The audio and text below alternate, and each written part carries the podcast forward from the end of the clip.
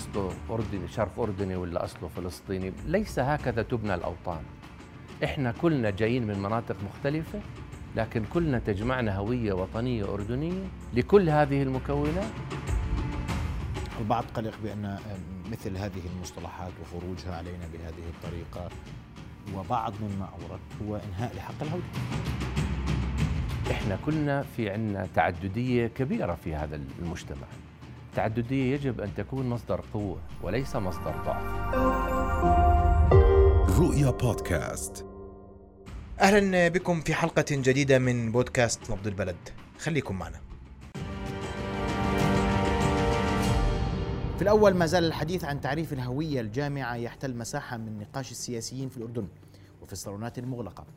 هناك حديث عن إعادة إنتاج مفهوم شامل للهوية يأخذ بالتوسع على اعتبار وجود شواهد نقص في المفهوم الحالي. اللجنة الملكية هل ناقشت الهوية الوطنية الجامعة هل تطبيق مخرجات اللجنة الملكية سيسهم في إعادة صياغة الدور الأردني. كل ذلك وأكثر تفاصيل نناقشها مع ضيفنا الوزير الأسبق الدكتور مروان المعشر. مساء الخير معليك مساء النور. في نبض بلد أهلا. أنوه قبل بدء الحوار أنه يمكنكم متابعة نبض البلد مباشرة عبر منصات رؤيا المختلفة وبإمكانكم أيضا الاستماع إلى هذه الحلقة عبر بودكاست نبض البلد على منصة رؤيا بودكاست على جميع المنصات السمعية. دكتور مساء الخير مرة أخرى. مساء النور. جدل مستمر الحديث عن الهوية الوطنية الجامعة تعريف هذا المصطلح هل هو مصطلح طارئ ولماذا اليوم؟ أخي محمد اولا كل هوية وطنية هي جامعة تعريفا لأن الهوية الوطنية تحتفي بكافة الهويات الفرعية لا تنتقص من أي منها وفي نفس الوقت لا تسمح لأي من الهويات الفرعية أن تطغى على الهوية الأم. اذا كل هوية وطنية هي جامعة تعريفا. ثانيا هذا ليس بمصطلح جديد. استعمله العديد من المسؤولين الأردنيين في السابق ابتداء من جلالة الملك والعديد من المسؤولين استعملوا هذا المصطلح في أكثر من مرة وعبر سنوات عديدة من الزمن. اليوم يتم خلط مفهوم الهوية الوطنية الجامعة بعد أن استخدمته مرة أخرى اللجنة الوطنية كي يقال بدون نقاش هكذا أن الهدف من كلمة جامعة تذويب الهوية الأردنية وتوطين أكبر عدد ممكن من الفلسطينيين في الأردن. هكذا يتم تفسير كلمة جامعة وهو أبعد ما يكون عن الحقيقة. الهوية الوطنية الجامعة هي سلاحنا ضد التوطين. إن كنا نريد أن آه، آه، نجابه المحاولات الإسرائيلية لحل القضية الفلسطينية على حساب الأردن فليس أنجع من أن تكون آه، يعني الجبهة الداخلية محصنة وموحدة. هذا واحد من جهة.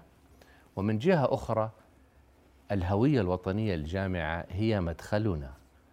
للإصلاح السياسي والإداري والاقتصادي في البلاد. يعني ليس كل شيء نريد أن نتقدم به يفهم منه على أنه محاولة توطينية. بمعنى آخر وأوضح سيدي التصدي للتوطين لا يجب أن يحول لمعارضة للمواطنة. فالمواطنة نص عليها الدستور وبالتحديد المادة السادسة منه نصا واضحا وصريحا لا لبس فيه. وقال أن الأردنيين أمام القانون سواء لا تمييز بينهم في الحقوق والواجبات وإن اختلفوا في اللغة أو العرق أو الدين. ما في أوضح من هيك؟ لما بنتكلم عن هوية وطنية جامعة هذا كلام منسجم تمام الانسجام مع الدستور الأردني. وتأكيد للدستور الأردني ولمفهوم الهوية الوطنية الجامعة وليس تفتيتا للمجتمع أو تذويبا للهويات الفرعية. طب اسمح لي بس يعني اليوم في هوية البعض يقول هناك هوية وطنية أردنية قائمة موجودة حاضرة منذ زمن طويل منذ مئة عام. صحيح. ما الداعي أن نخرج بمصطلحات لماذا المصطلحات الجديدة؟ لأنه ليس جديدا. هذا المصطلح ليس جديدا. هذا اللي بدي أتكلم عنه. ثانيا ما الغ... ما ما المشكلة في استخدام كلمة جامعة؟ جامعة بمعنى أنها مظلة لكل الهويات الفرعية. أليس المجتمع الأردني يعني عنده مكونات متعددة؟ ليست فقط شرق أردنية وفلسطينية ولكن عندنا مكون شركسي وعندنا مكون شيشاني وعندنا مكون سوري وعندنا مكون أرمني. يعني حتى لا أذكر باقي المكونات. الهوية الوطنية منذ مئة عام مش من اليوم استطاعت أن تحتوي كل هذه الهويات الفرعية وأن تحتفي بها. ونحن اليوم جميعنا مواطنون أردنيون جميعنا.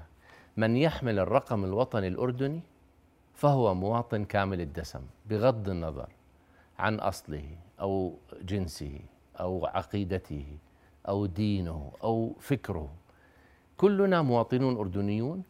هذه الحقيقة يعني البعض يريد أن يدفنها تحت الطاولة وما يتحدث فيها.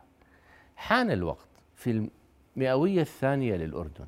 إن أردنا حقيقة أن نبني بلدا صلبا مبني على مواطنة متساوية لكافة فئاته حان الوقت أن نخرج أو أن يخرج هذا ال ال ال النقاش للعلن من ناحية آه، يعني لا نحمل المصطلح أكثر مما يحتمل ونشرحه للناس آه، ما آه، أقول. ومن ناحية أخرى أيضا لا يقف حجر عثرة في طريق الإصلاح السياسي والإداري والاقتصادي. وأن نبقى نقول كلما أردنا أن نتقدم خطوة للأمام نبقى نقول لا نستطيع أن نفعل ذلك في ظل استمرار الصراع العربي الإسرائيلي. بناء البلد في المئوية الثانية يحتاج لقاعدة صلبة ويحتاج لجبهة داخلية متينة. وإسرائيل استعملنا هذا المصطلح أم لم نستعمله؟ إسرائيل ما راح تنكف عن محاولاتها لحل القضية الفلسطينية على حساب الأردن.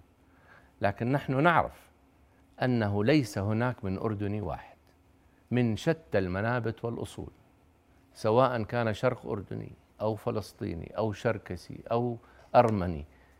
ما في أردني واحد يريد التوطين وما في أردني واحد يريد أن يعطى رقم وطني واحد لمن لا يحمله اليوم. فموضوع التوطين محلول أردنيا لكن مرة أخرى لا يستخدم الموقف ضد التوطين ليصبح معارضة للمواطنة التي كفلها الدستور بكل وضوح. طب اليوم اليوم الخوف الخوف من هويات فرعية. الهويات الفرعية قلقة. قضية التذويب قائمة في ذهن البعض أن هذا تذويب لمكون كيف؟ حساب مكون. وهذا منح مقاعد ومنح صلاحيات ومنح مواقع للعاصمة دون عن غيرها لمكون دون عن غيره. هذا موجود الحق اليوم. هذا ليس صحيحا. منح المقاعد لل, لل للعاصمة لأن العاصمة يعني مقاعدها أقل بكثير مما مما يعني تستحق.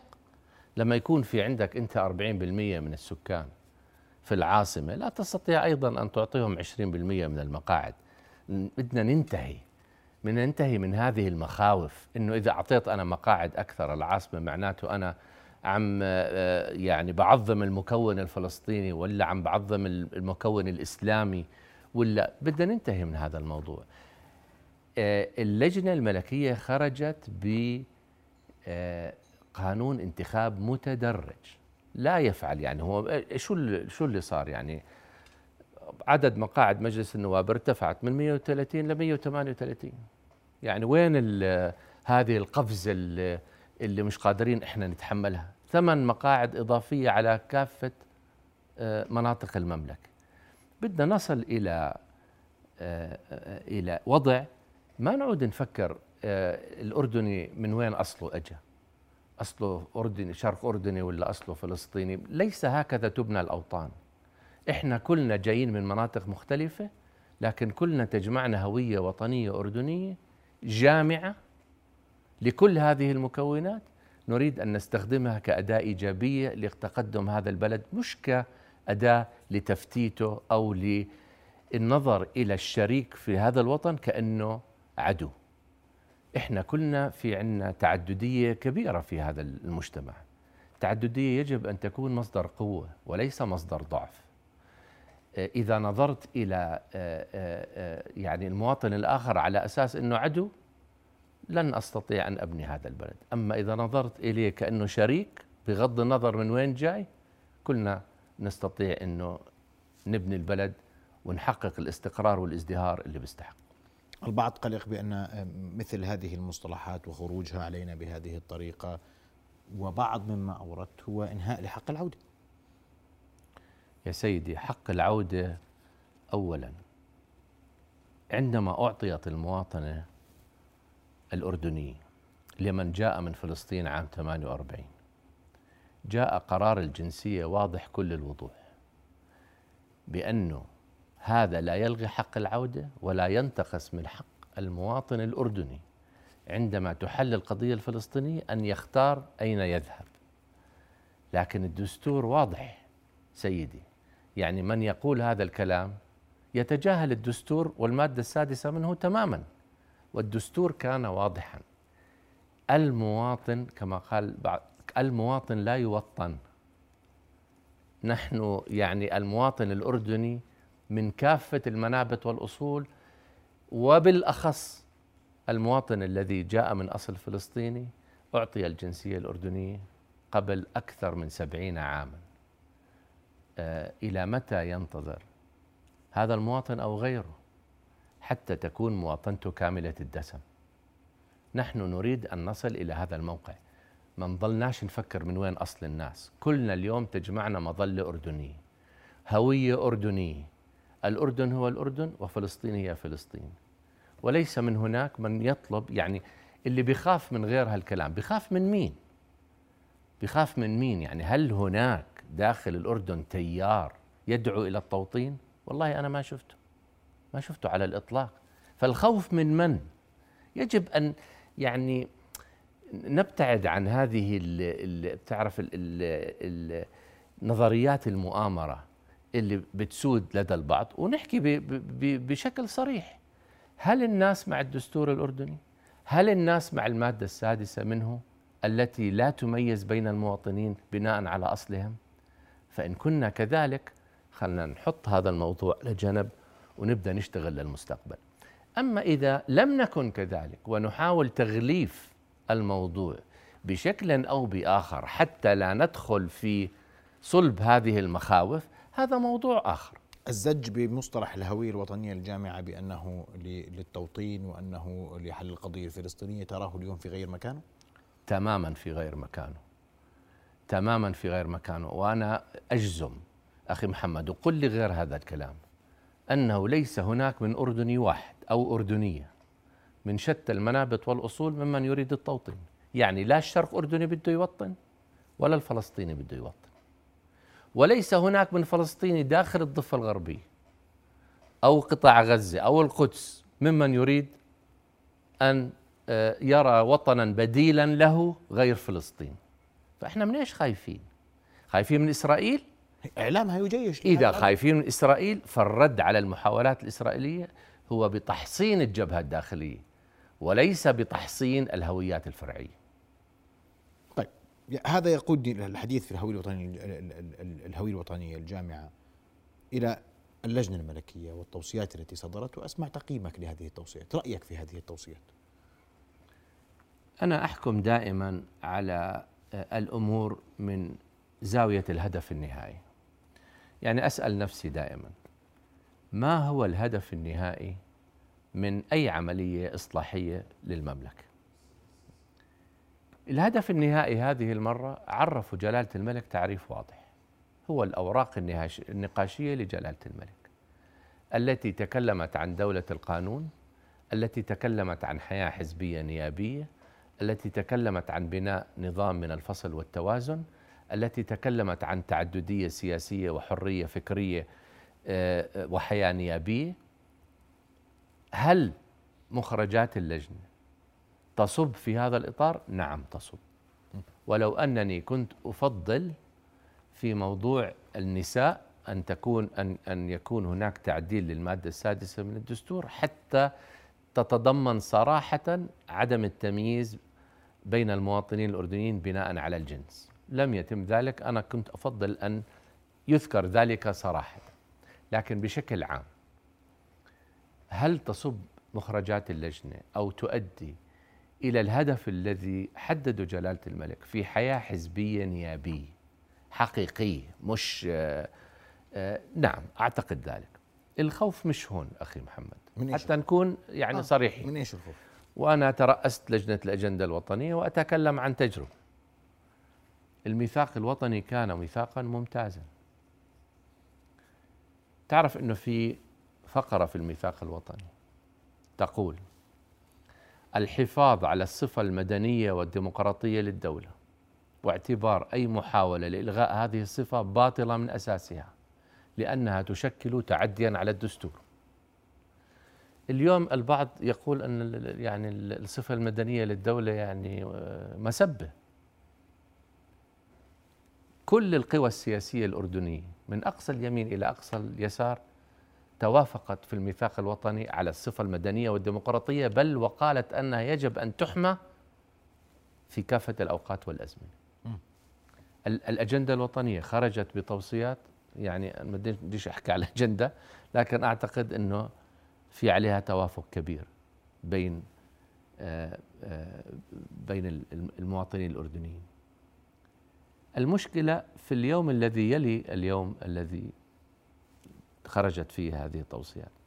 يعني هناك هناك إحباط لدى الناس وهناك شعور من عدم الثقة بأن مخرجات هذه اللجنة سترى طريقها إلى النور تماما كما لم ترى مخرجات الميثاق الوطني طريقها إلى النور ولم ترى مخرجات الأجندة الوطنية طريقها إلى النور مش في خوف إنه طبعا والخوف مبرر اللجنة الوطنية للإصلاح الأجندة الميثاق كلها يعني لم ترى الخوف مبرر م. اليوم السؤال هو الاتي من وجهة نظري. هل كافة أذرع السلطة التنفيذية في البلد مقتنعة بأن الوضع القائم الحالي غير مستدام؟ هل كافة أذرع السلطة التنفيذية مقتنعة بأنه لما نتكلم عن بطالة 50% بين الشباب ونتكلم عن بطالة 25% بالمجمل هذا وضع غير مستدام؟ وهل هي مقتنعة أن الحل لهذه الأمور المستعصية. يتطلب ضرورة وليس ترفا إصلاحا سياسيا واقتصاديا وإداريا. يقود بنا إلى نهج مختلف تماما عما كنا نقوم به. إن كان الجواب نعم فالأمور بخير. وأنا متفائل من أن مخرجات اللجنة سترى طريقها إلى النور. وإن كان الحكومة قادرة على على على السير قدما في هذه أي حكومة قادرة طالما أنها متفقة مع أذرعها. أي حكومة قادرة. لكن المهم توفر الإرادة السياسية وتوفر القناعة بأننا وصلنا إلى مرحلة لم نعد نستطيع فيها الاستمرار كما كان عليه الحال. طيب اليوم أي جزء من المخرجات أنت قلت متدرج. هذا من يضمن التدرج؟ هي نقطة. الحكومة قادرة على الدفاع إذا كانت الأذرع التنفيذية كلها متوافقة على أنها أن وصلنا إلى هذا الطريق. والحكومة تتعهد بتقول لك نحن نتعهد أن نسير قدما بهذه المخرجات وأن ندافع عنها. هناك عدة يعني عدة ضمانات.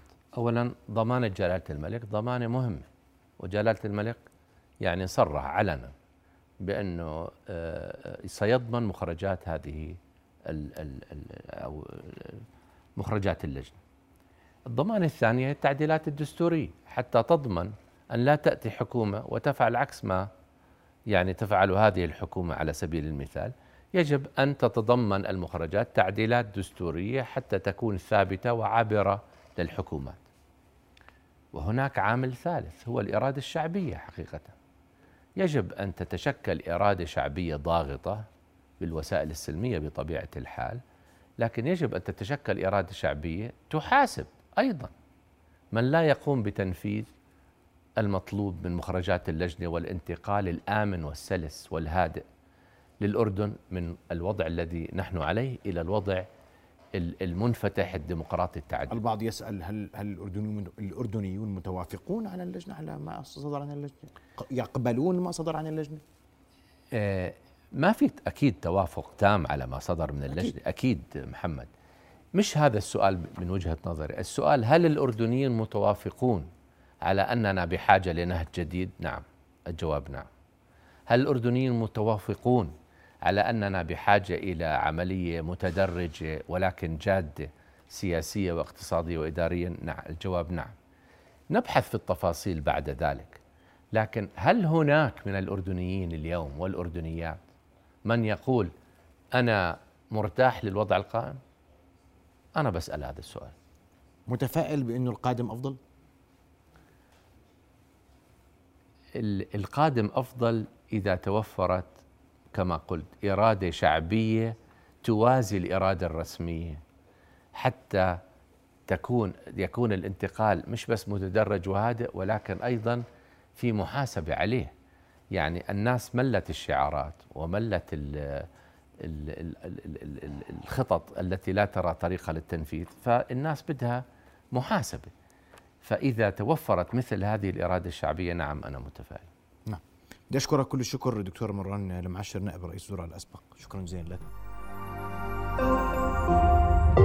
رؤيا بودكاست.